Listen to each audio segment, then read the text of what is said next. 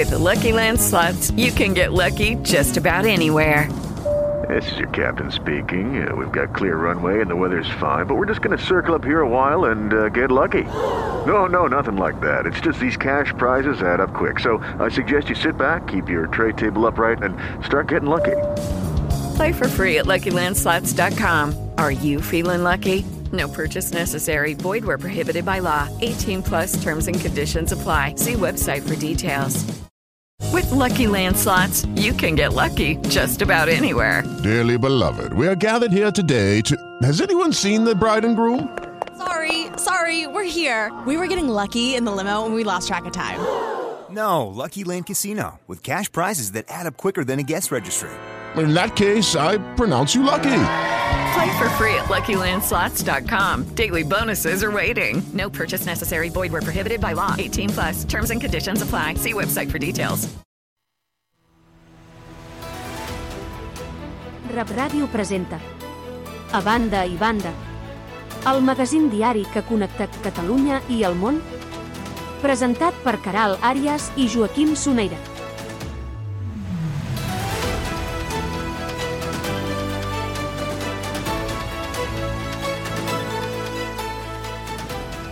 A banda i banda. El programa que escurça distàncies. De dilluns a divendres de 16 a 18 hora catalana.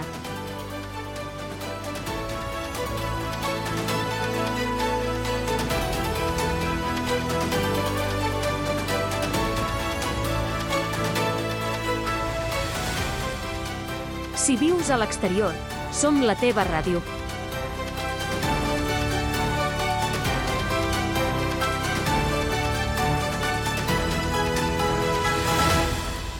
Arrenquem una nova hora de programa i el que hem de fer és canviar de banda. Ja sabeu que cada dimecres anem i fem un salt cap a Guayaquil, cap a l'Equador, on allà ens espera el Santiago Barreiro. Santiago, bona tarda per mi, bon dia per tu, com estàs?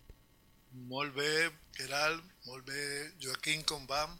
Hola, molt content d'estar amb, amb vosaltres. Nosaltres també estem, sí. estem contents de, de parlar amb tu una, una setmana més i deixa'm dir-te que uh, seràs l'última connexió que farem aquesta setmana, perquè demà fem un programa especial del 12 d'octubre, res a celebrar, i divendres no farem programa amb La Plata. Per tant, avui uh, estem a la meitat de la setmana i és l'última connexió que farem. Sí, no, i a més setmana. divendres la gent tindrà temps per tornar a escoltar tots els programes, no? Sí, sí, sí, a, a on ho faran? A, home, clar, a arroba rap radio BCN perquè ho poden fer a YouTube o a Twitch i si no també no es perdran cap detall a l'Instagram o al Twitter que també porta el mateix arroba, arroba rap radio BCN. I també a les plataformes habituals de, per escoltar els podcasts teniu a Spotify, Spreaker, perdoneu, a Spotify, Google Podcast, Amazon eh, Music o Google Podcast. I també a la nostra pàgina web a rap.cat barra podcast. I si no, ens consulteu al nostre número qualsevol cosa. Rap Ràdio t'escolta. Fes-nos arribar les teves preguntes, reflexions i comentaris amb un missatge de veu al WhatsApp del 691 99 11 22. Amb el 34 davant si ets a Amèrica. 691 99 11 22. Rap Ràdio t'escolta.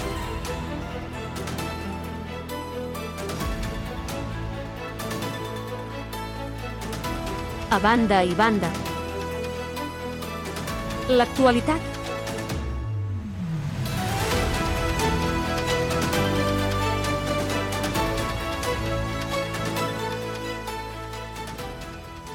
El que hem de fer és començar a repassar els titulars que ens porta com cada dimecres al Santiago. Uh, comencem i anirem uh, en primer lloc a Panamà i Costa Rica perquè han iniciat un pla de mobilitat uh, flux, d'un flux migratori procedent de Darien. Què és això?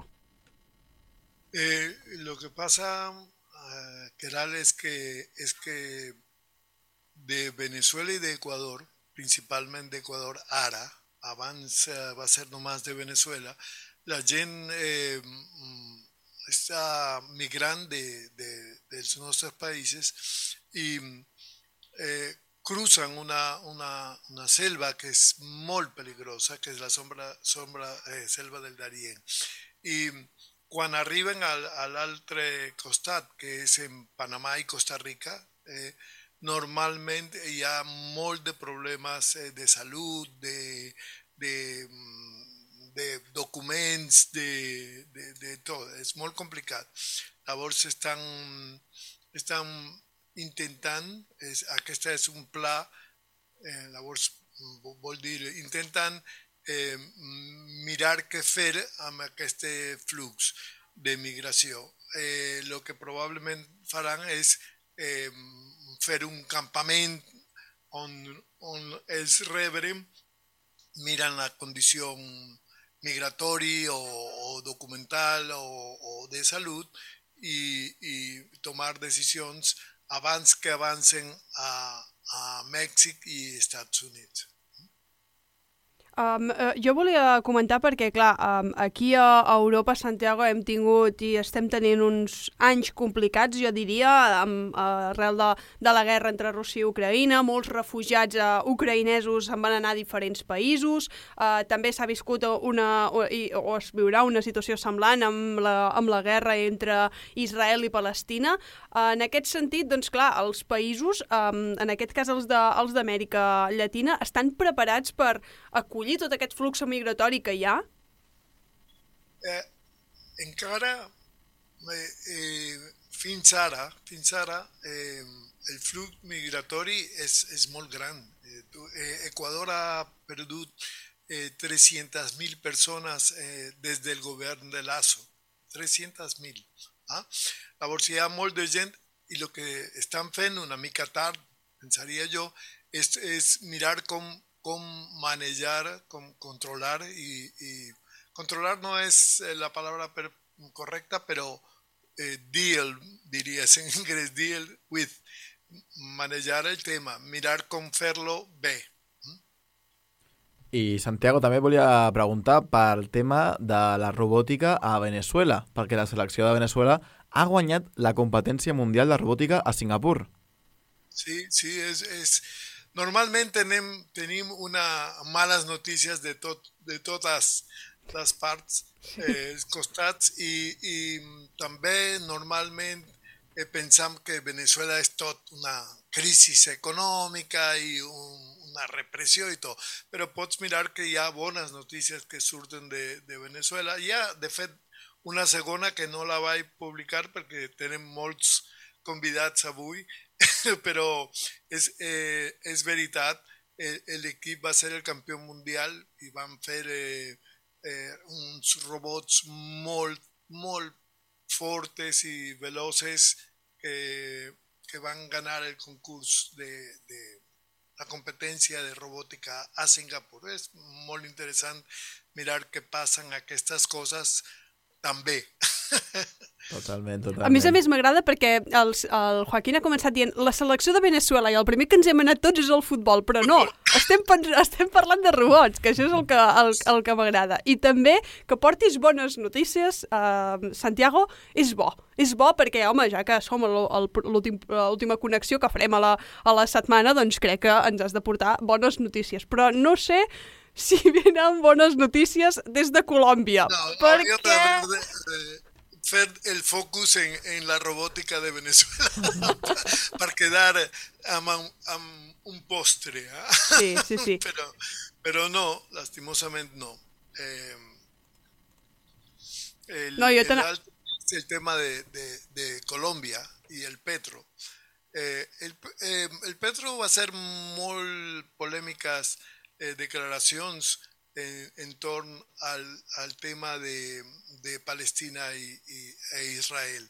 I em sembla que una mica lo, lo, um, alguns metges, metges, mitjans, mitjans sí. que, que són principalment manejats per gent que té fortes vínculos amb els Estats Units i, i, han, i, i, e Israel han, han fet una contra més fort de lo que em sembla, em sembla que són el, el context de les declaracions.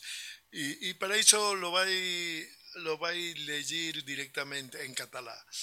Ja vaig estar en el camp de concentració d'Auschwitz i ara ve calçat a Gaza.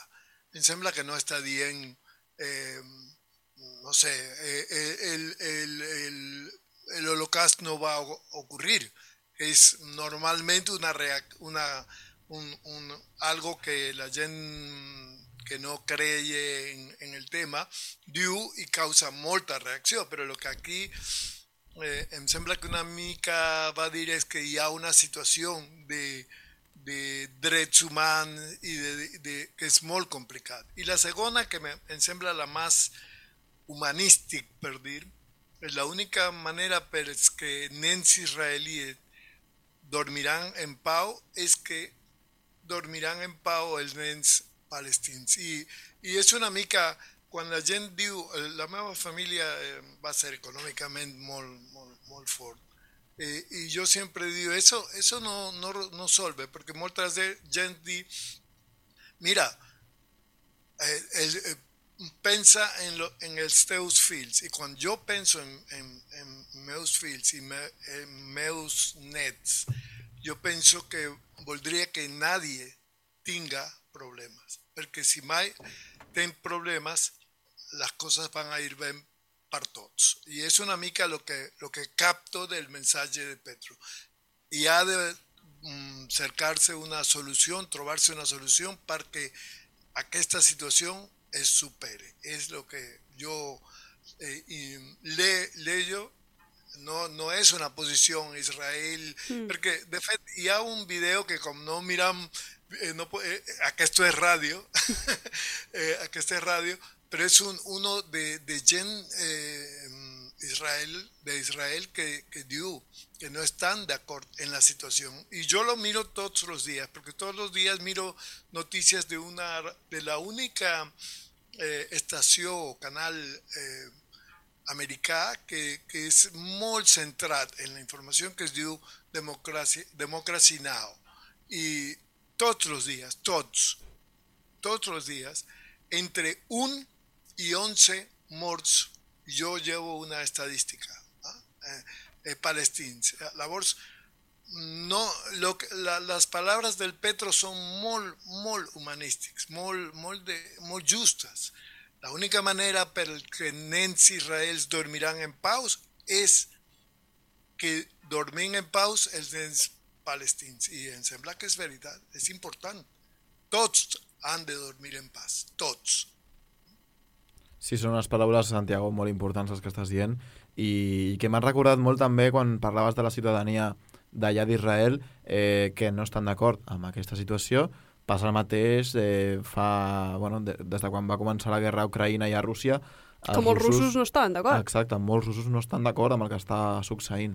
I és una tristesa, no?, al final pensar d'aquesta manera que, que estem, bueno, depenem de l'organització que, que, que està per sobre nostra, no?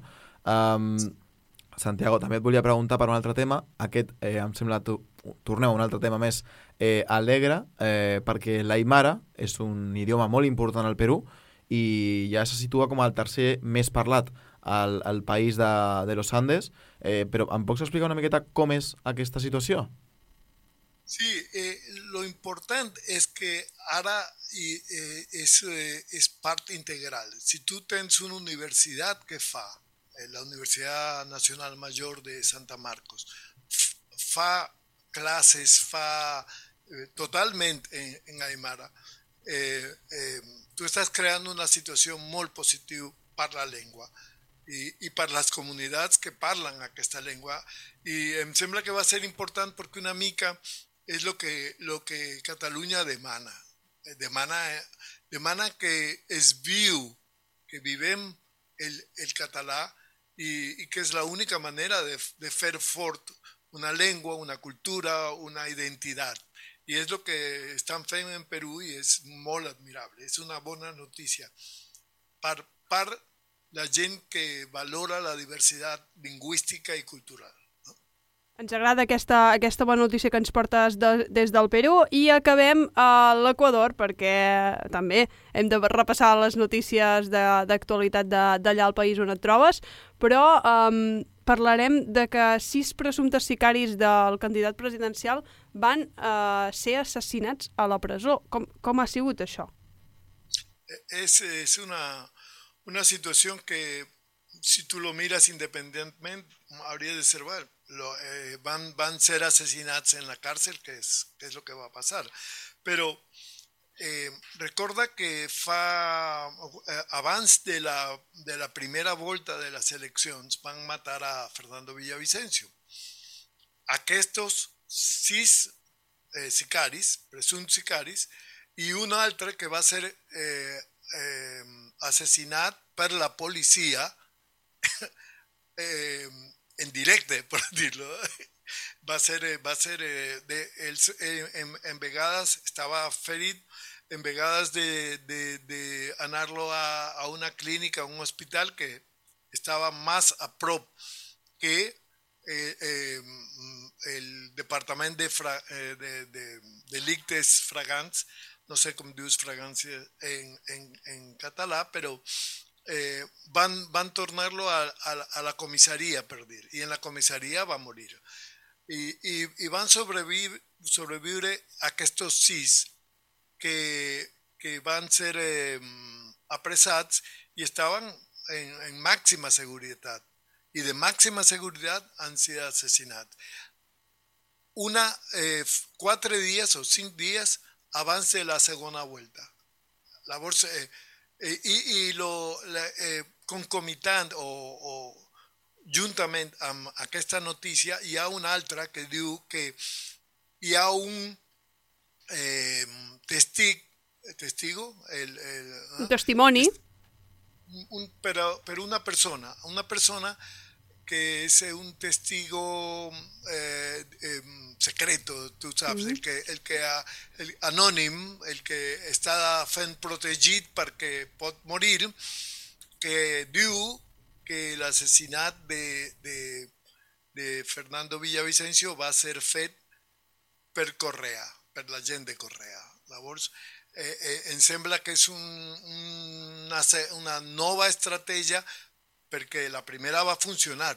Va funcionar que Luisa va tener aproximadamente el 40% y con AM el 40% ella habría de haber ganado en, en, ganado en una vuelta. Pero va a baixar al 38% per, per, per aquesta raó que la gent immediatament va als metges dir que va ser eh, el correísme el que va matar a, a, a Villavicencio. Eh, de fet, el correís va, de, va demanar a, a la Corte de Justícia que fa dos setmanes que digui quiénes son los involucrados en el caso, porque el FBI y Colombia, la, la policía Colombia, va, va, va a hacerlo. ¿ah? Llavors, eh, és una situació que em sembla com una estratègia política més i, i, i ara eh, maten peons com, com qui mata eh, mosques. Ah? Llavors, eh, sí, és molt complicat. Estem a, a tres dies d'eleccions, quatre dies. És, és el que t'anava a dir, una, una notícia que ve impactant en aquest sentit, per també en l'època en la qual s'ha portat a terme, no? perquè si queden uh, pocs dies per a aquestes eleccions veurem, veurem a veure quin desenllaç pot, pot arribar a tenir. Santiago, gràcies per repassar-nos l'actualitat la, de, dels països. A vosaltres.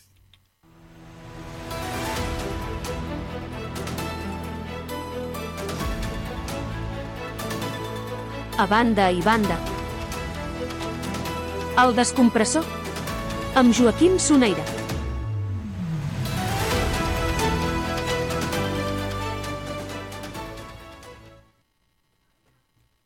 Doncs, Caral, avui et porto una notícia especial.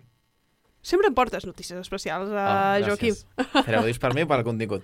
Per, per tot, per tot en Ah. general. El Santiago també està d'acord amb mi que el descompressor és el millor dels millors moments de la tarda, no? On ens, uh, ens hem de seure, escoltar, riure, plorar... Avui què farem?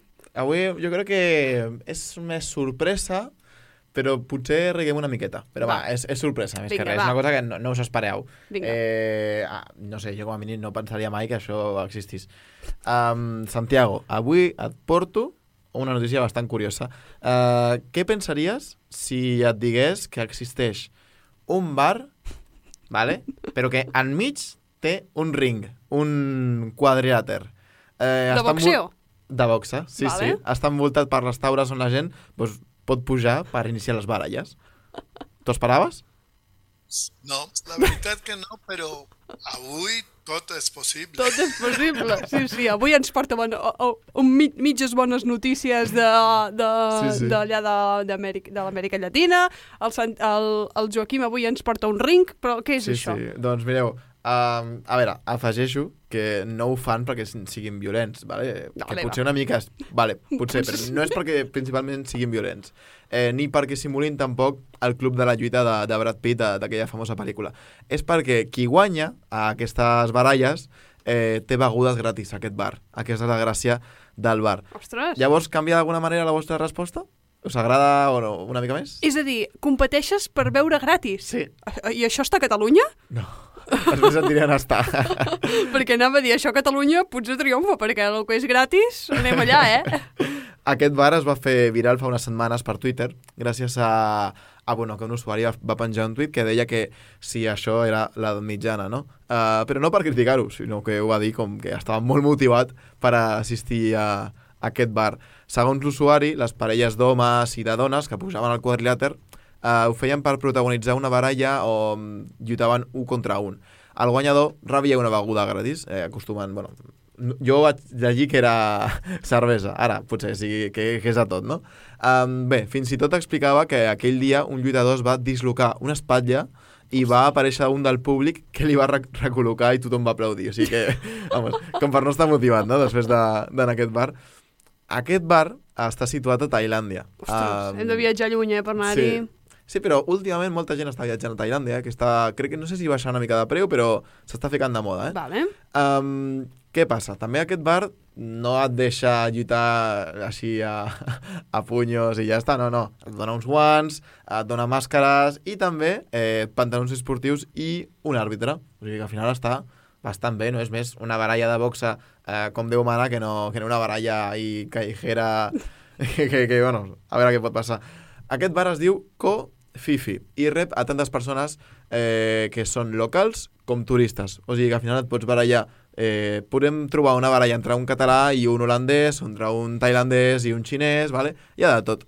Um, altres usuaris explicaven la seva experiència com, com una que es deia Vicky Apellido eh, i deia que el més, més heavy, no? el més eh, greu, era com, bueno, ho explico directament amb l'argentí que feia servir ella Clar, porque sí. creo que es más gracioso. Lo más heavy fueron las pibas agarrándose a las piñas y el mamado de mi novio que quería que yo subiera. Molt bo, molt bo. Sí, la veritat és que sí. Tu, Santiago, pujaries? Eh, no. Soc molt, molt, molt de, de, d'un altre pensament. Eh, De fet, eh, el, el box, per exemple, aquest, eh, eh, va- vaig pensar que una balança, una balança és molt important en aquest bar, perquè una diferència molt petita de, de, de pesos eh, és, és important en una lucha. Totalment d'acord. tú tienes eh, gallo y, y mosca y, y son pequeñas diferencias de peso que son importantes en el box y em sembla que en todas las luchas pero a que este tipo de lucha tailandesa eh, en cara no no le no, no, no es muy importante y a un, un home molt gran y un petit y están peleando Esperem que, esperem que ho respecti una miqueta. Jo espero que ja l'àrbitre sigui eh, bastant competitiu i vulgui que els pesos estiguin equilibrats. Uh, tu, Caral, t'animaries? Uf. Per quin tipus de beguda o per quin tipus de premi t'animaries? Ostres, és que, mira, jo de primeres l'esport eh, i jo no som amics. La segona és... Um, Fotre't a pinyes, uh, com bé deia la, la, la, la, la usuària que has llegit d'Argentina, fotre't a pinyes amb qui sigui, a mi em costaria, bàsicament, perquè no sóc una persona mm, agressiva, entre cometes, no? Mhm. Però depèn de la persona que tingués al davant, sí que potser m'animaria i... Però ho dius per la sí, ràbia sí. o per la competitivitat? Per la ràbia, per la Vale, ràbia. És que t'estava veient allà les dents. Per la ràbia, per la ràbia. Depèn de la persona que tingui davant, sí. Què passa? Que mm, per una cervesa, per una beguda, els catalans fem tot. Si, és, Sí. si, ens- si ho fem gratis, ho fem pel que sigui. Sí, Per jo, tant- que, jo tinc bastants coneguts que segurament sí que sí que s'animarien i provarien a fer-ho.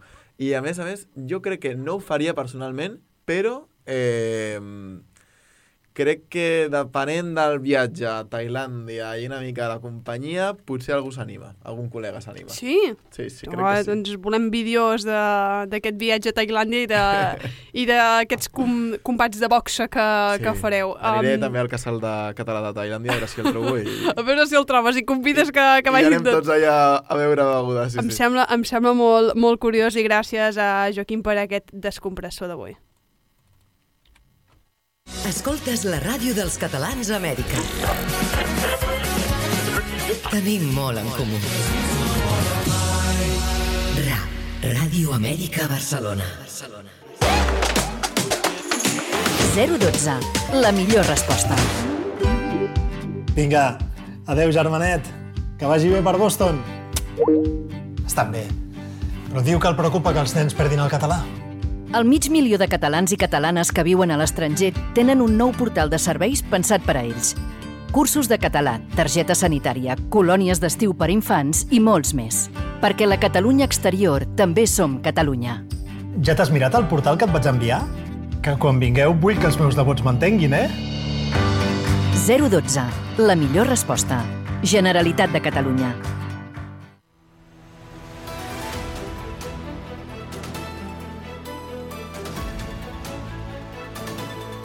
A banda i banda. Cuina i xat. Amb Neus Tosset.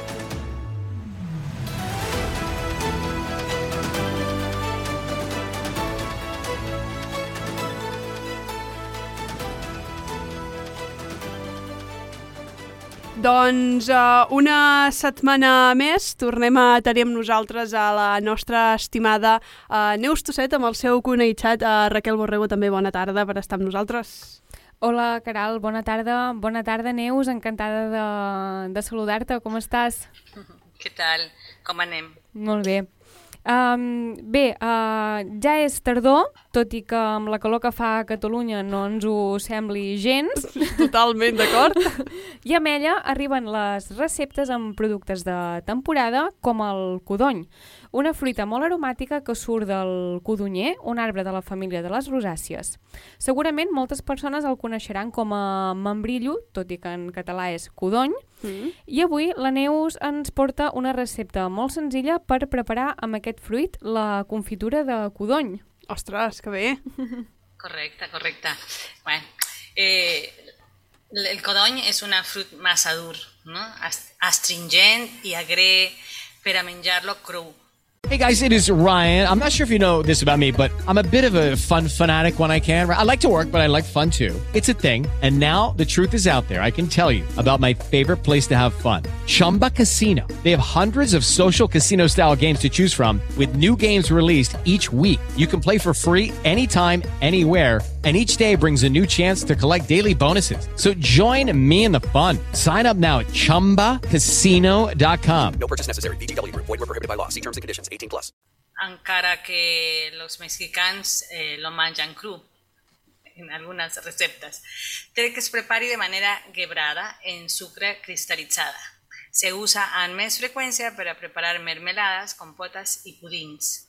També es consumeix pelat i rostit. Ah, així que, de- dit eh, dit tot, dit això, anem a la recepta. Correcte, Raquel? Correcte, endavant. Per a quatre persones, eh, dos quilos de codony, codonys per a...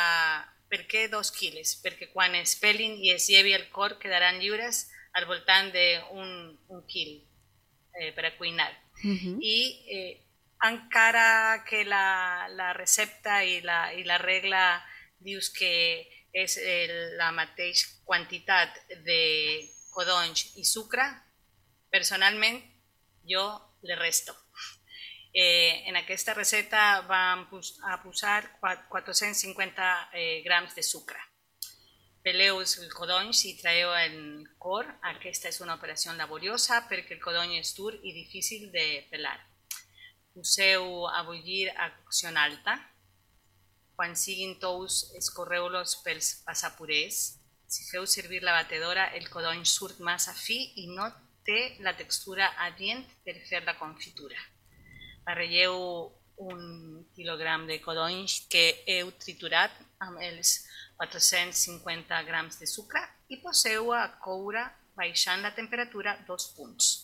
Remeneu amb una colera de fusta.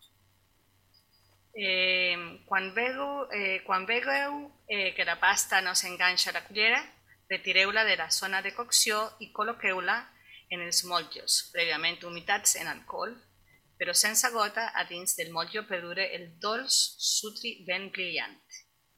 Emplati i decori amb formatge i ametlles, per exemple. Mm -hmm. Listo, Raquel. Um, Neus, jo et volia preguntar, uh, deies que a la recepta ja li resta sucre, això passa amb, amb moltíssimes mm, receptes que, que porten moltíssima quantitat, però jo et podria preguntar si aquesta recepta directament la podem fer sense sucre o si es pot substituir per alguna altra cosa. Ah, ya, sí, hay algunos sustitutos veganos, por ejemplo, y también, eh, como es el caso de, de stevia también, y hay una que se llama, que es you, eh, un, un sustituto de la- del sucre, no recuerdo en aquel momento el, el nombre. Eh, es un, te lo debo. Te Però, debo a que, a que- a menos que Santiago estás por ahí, ¿te acuerdas tú? Recuerda. Però no recordo, eh, eh, eh, El mateix. simplement jo, no- jo no uso azu- sucre. Sucre. Eh, però, Mhm. però em sembla que una... Eh, és un, jo recordo de quan va ser petit que al, a la escola, en el bar de la escola, eh, aquí le diem bar, però és un, un, un, un petit Una restaurant. cuina, ajá. Cuina, sí. Eh, eh, ya, y, eh, eh, espero que, eh, que encara, la- encara este, el, el dulce de membrillo, que es como, como le digo acá, y, y Mm. am- am queso. Sí, pero, pero eh, la pregunta es el sustituto del, del sucre. Sí, doncs, a, a veure, jo en conec alguns, com la, poden ser l'estèvia, el xarop d'atzavara, que és el sirope d'agave en castellà, uh, hi ha algun altre químic com Pero el, el- l'eritritol... pero el agave te va a dar el sabor del, del agave. Ah, esclar, esclar. Però vaja, que en definitiva, si volem fer-la sense sucre o ho volem substituir... En, No, en... sens, sense sucre eh, no es posible porque no Clar. te va a dar la consistencia. Clar. Ujú. Com, jo, jo ja sabeu que m'agrada a mi sempre fer un apunt i és que mm, a mi el codony eh, no m'agrada com, com així, o sigui, la confitura que, que has eh, explicat, eh, Neus, ho sento molt, però a mi no m'agrada, però eh, el que sí que m'agrada és el- l'allioli de, collo, de codony, que el fa el meu pare molt bo, Uh, es fa amb un codony eh, madur, bullit, pelat, uh, sense pinyons, amb ous, poma i pa i um, espectacular. És a dir, no sé si mai has provat l'allioli de codony, però te'l recomano. No a més ho a havia més, sentit mai. En la meva vida. no ho havies escoltat mai? aquest- Jo aquest tampoc. recepta. Busca-ho, busca-ho perquè t'he de dir que el meu pare, quan ho fa, que m'estarà escoltant i segur que li entrarà la mateixa gana que a mi, fa una olla enorme que ens dura... No us, no us diré quants dura perquè... mm, Un any. Perquè ha d'arribar eh, per la- per la, se- la setmana que ve. No, no, és que no dura una setmana. No dura una setmana. I ho Uau. utilitzem amb tot. És a dir, quan posem a sobre del pa, doncs hi posem l'allioli, ja sigui també quan, quan ho tenim un tros de carn, també pos- ho acompanyem amb allioli, o sense res, com de vegades me'n vaig jo a la cuina, agafo una cullera, faig així i me'l- i me la menjo. Però no feu com, com faig jo. Algun apunt més, Raquel? Uh, sí, saps quins beneficis té el, el codony? És a dir, vitamines, alguna proteïna... Sí, ten, ten como, como todas las frutas, ¿eh? ten vitamina A, C, B1, B2, minerales, magnesio, potasio, fibra. Y lo interesante es que se, se puede eh, manjar eh, cru o cuinado. En México eh, lo, lo manjan crudo, eh, como nosotros el mango aquí, am, limón y sal, ¿no? Eh, porque es, es como una pera el, el, el, la- el mm, amarillo y duro. Doncs bé, la veritat és que a mi m'has fet venir una mica de, de ganes de també. perquè jo he de dir que com la Caral, a mi, quan era més petita, no m'agradava gens el gust del, del codony, però mm, fa molts anys que no el tasto, per tant, li haurem de donar una altra, una altra oportunitat. Moltes gràcies, Neus, per portar-nos aquesta recepta, que a més a més molt senzilla de fer, és a dir, Sí. jo crec que la gent que no sàpiga cuinar gaire, de totes maneres es pot atrevir, i ens veiem a la propera. La propera, moltíssimes gràcies. A tu. A tothom. Adeu. Petons. Ràdio Amèrica Barcelona. La ràdio sense dial. Maquino atordit rere d'un menir. RAP. Tenim molt en comú. RAP.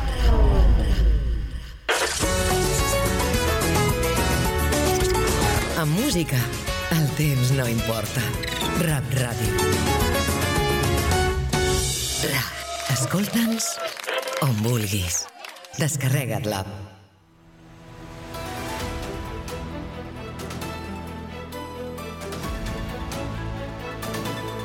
A banda i banda. Cooperació amb Tomàs Aguirre.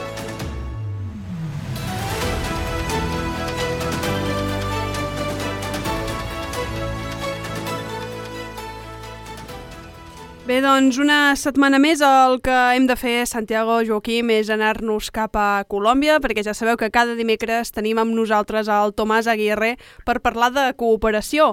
Bona tarda, Tomàs, com estàs? Hola, buen día desde Colombia, enmig d'un dia assolellant. Que bé. De quina temps ens parlaràs avui, eh, Tomàs? Avui parlarem sobre un tema difícil i dolorós, però alhora esperançador, que reforça la importància de la cooperació com una de les millors eines per la reconciliació de països que han patit guerres i conflictes.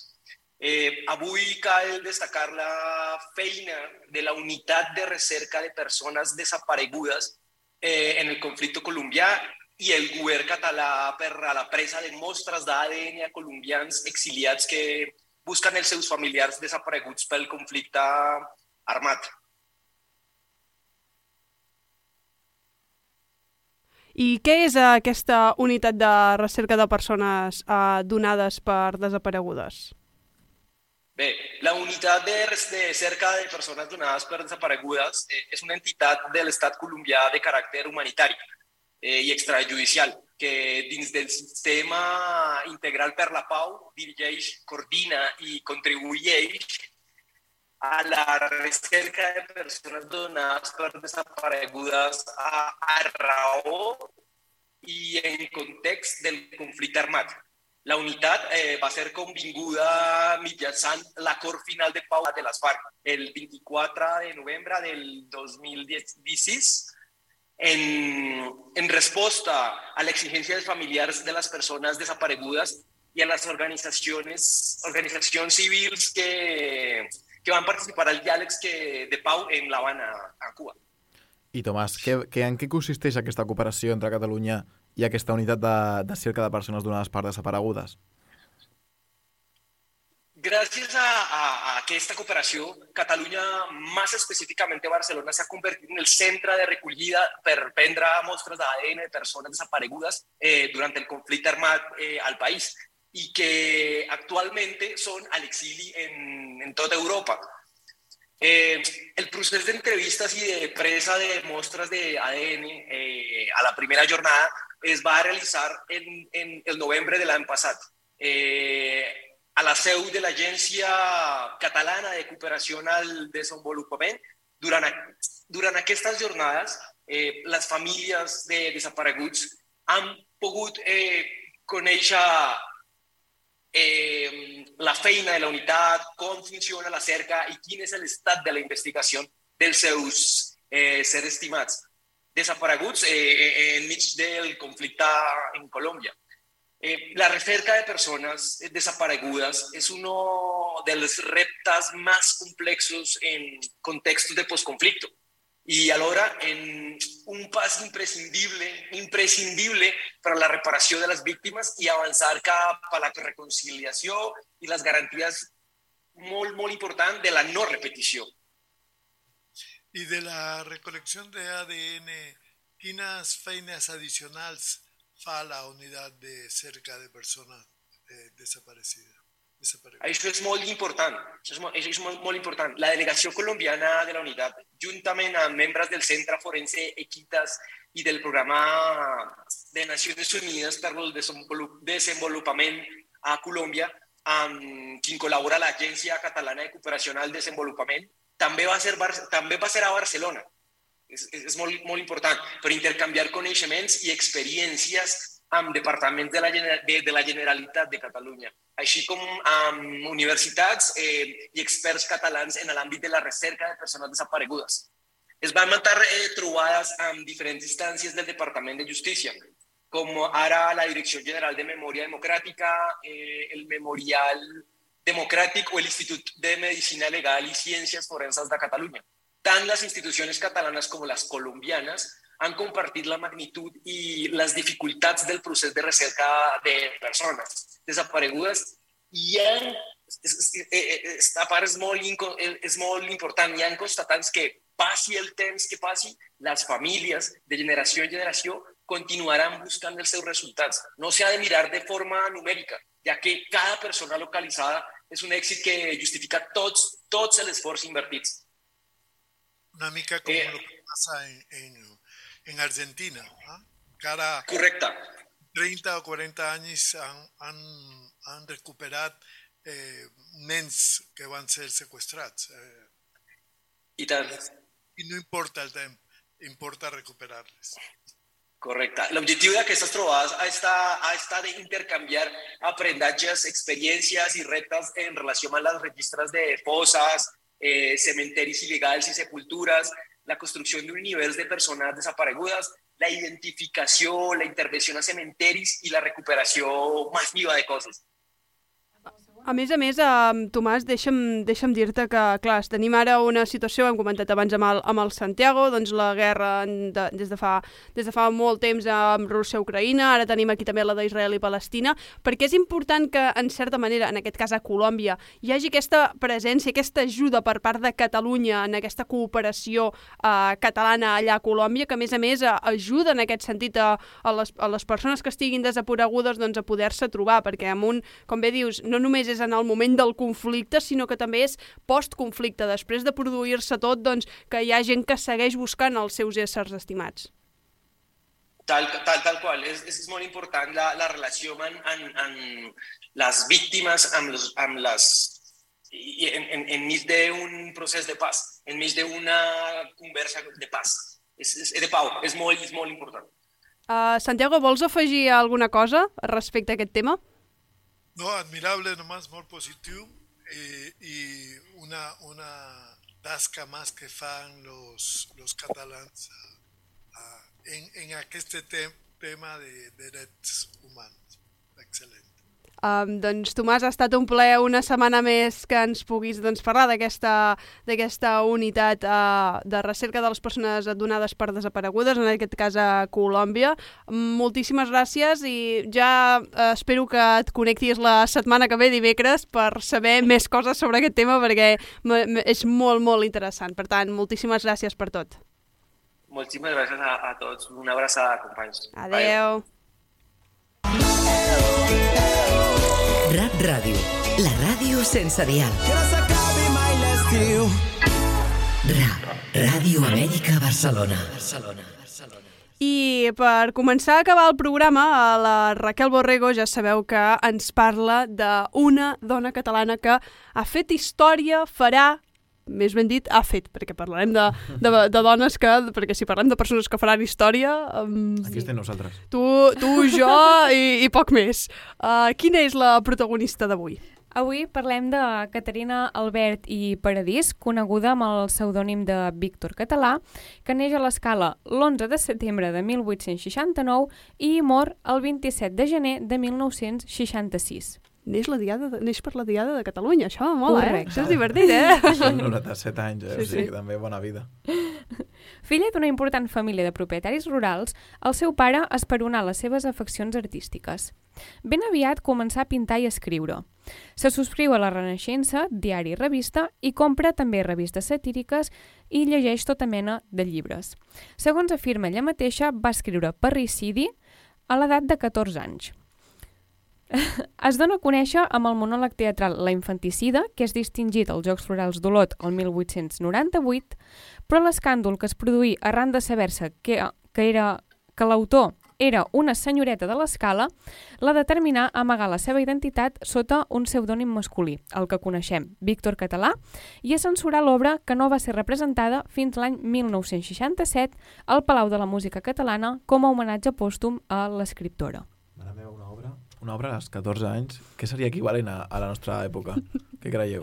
Fer també un llibre o fer un No. directe de Twitch? No, no ho sé.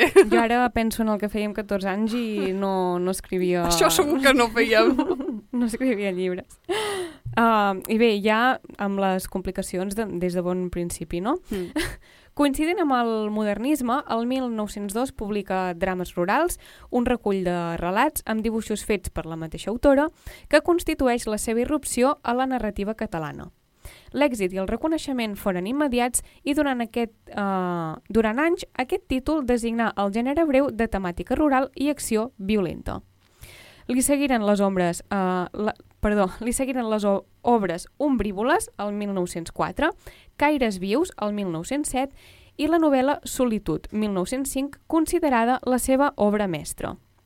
Després de la publicació de drames rurals, manté correspondència amb Joan Maragall, autor que li retreu la visió negativa que ofereix de l'existència, però l'autora es manté en la seva postura. També manté una estreta relació literària amb Narcís Uller i Àngel Guimarà, entre altres escriptors del moment.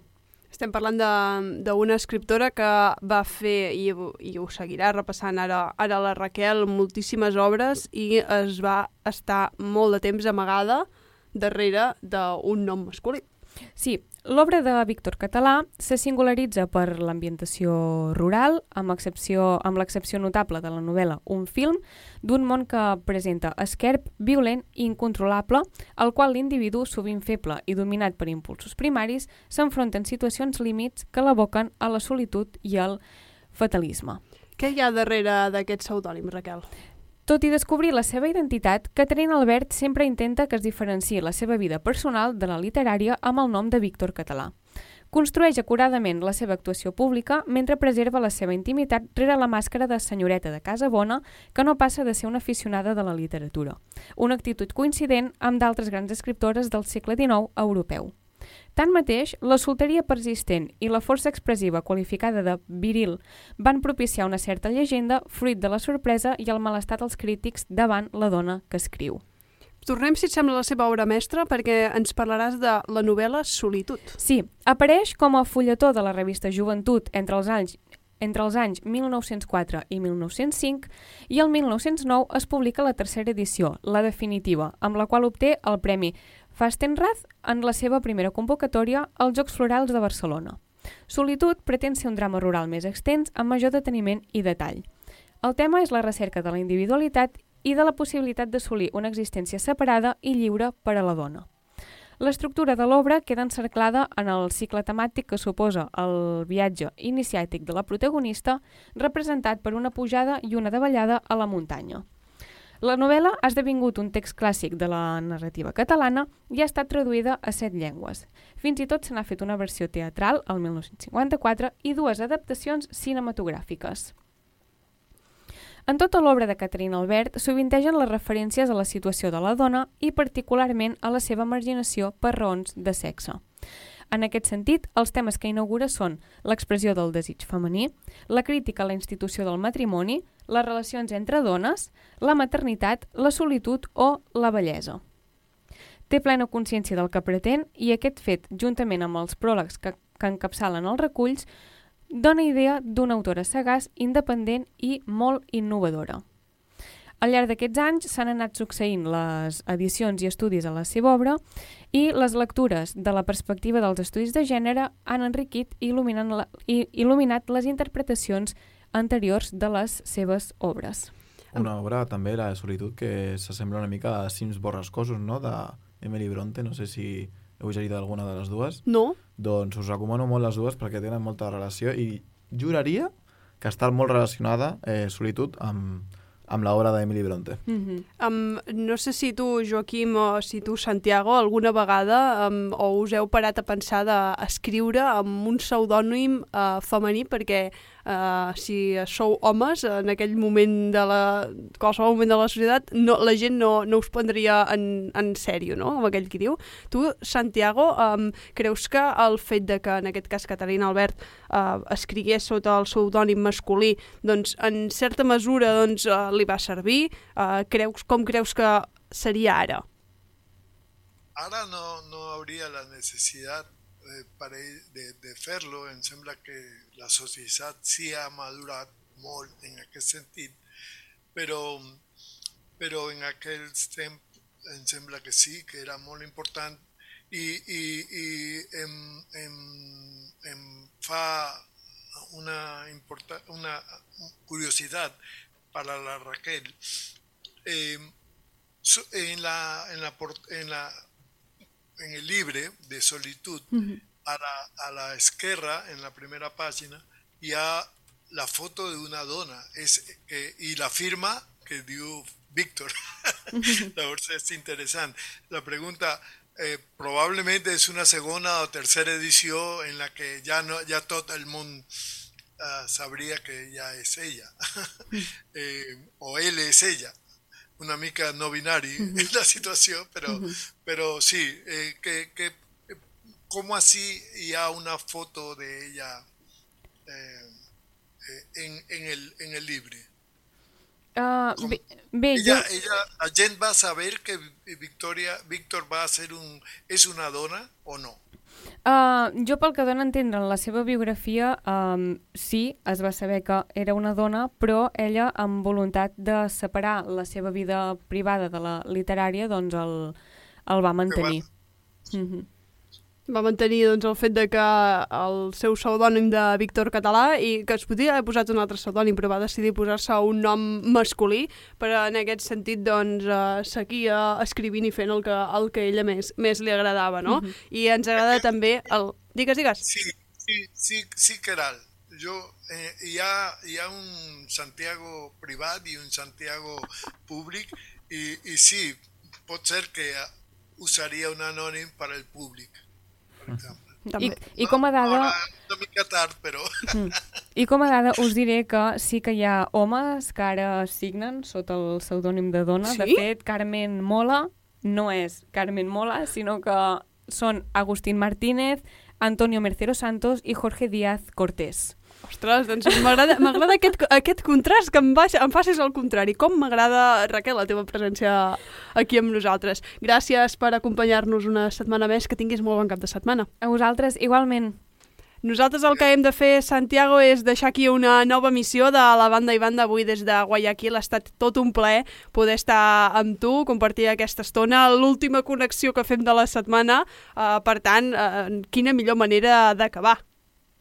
Sí, molt bona, molt bona, excel·lent.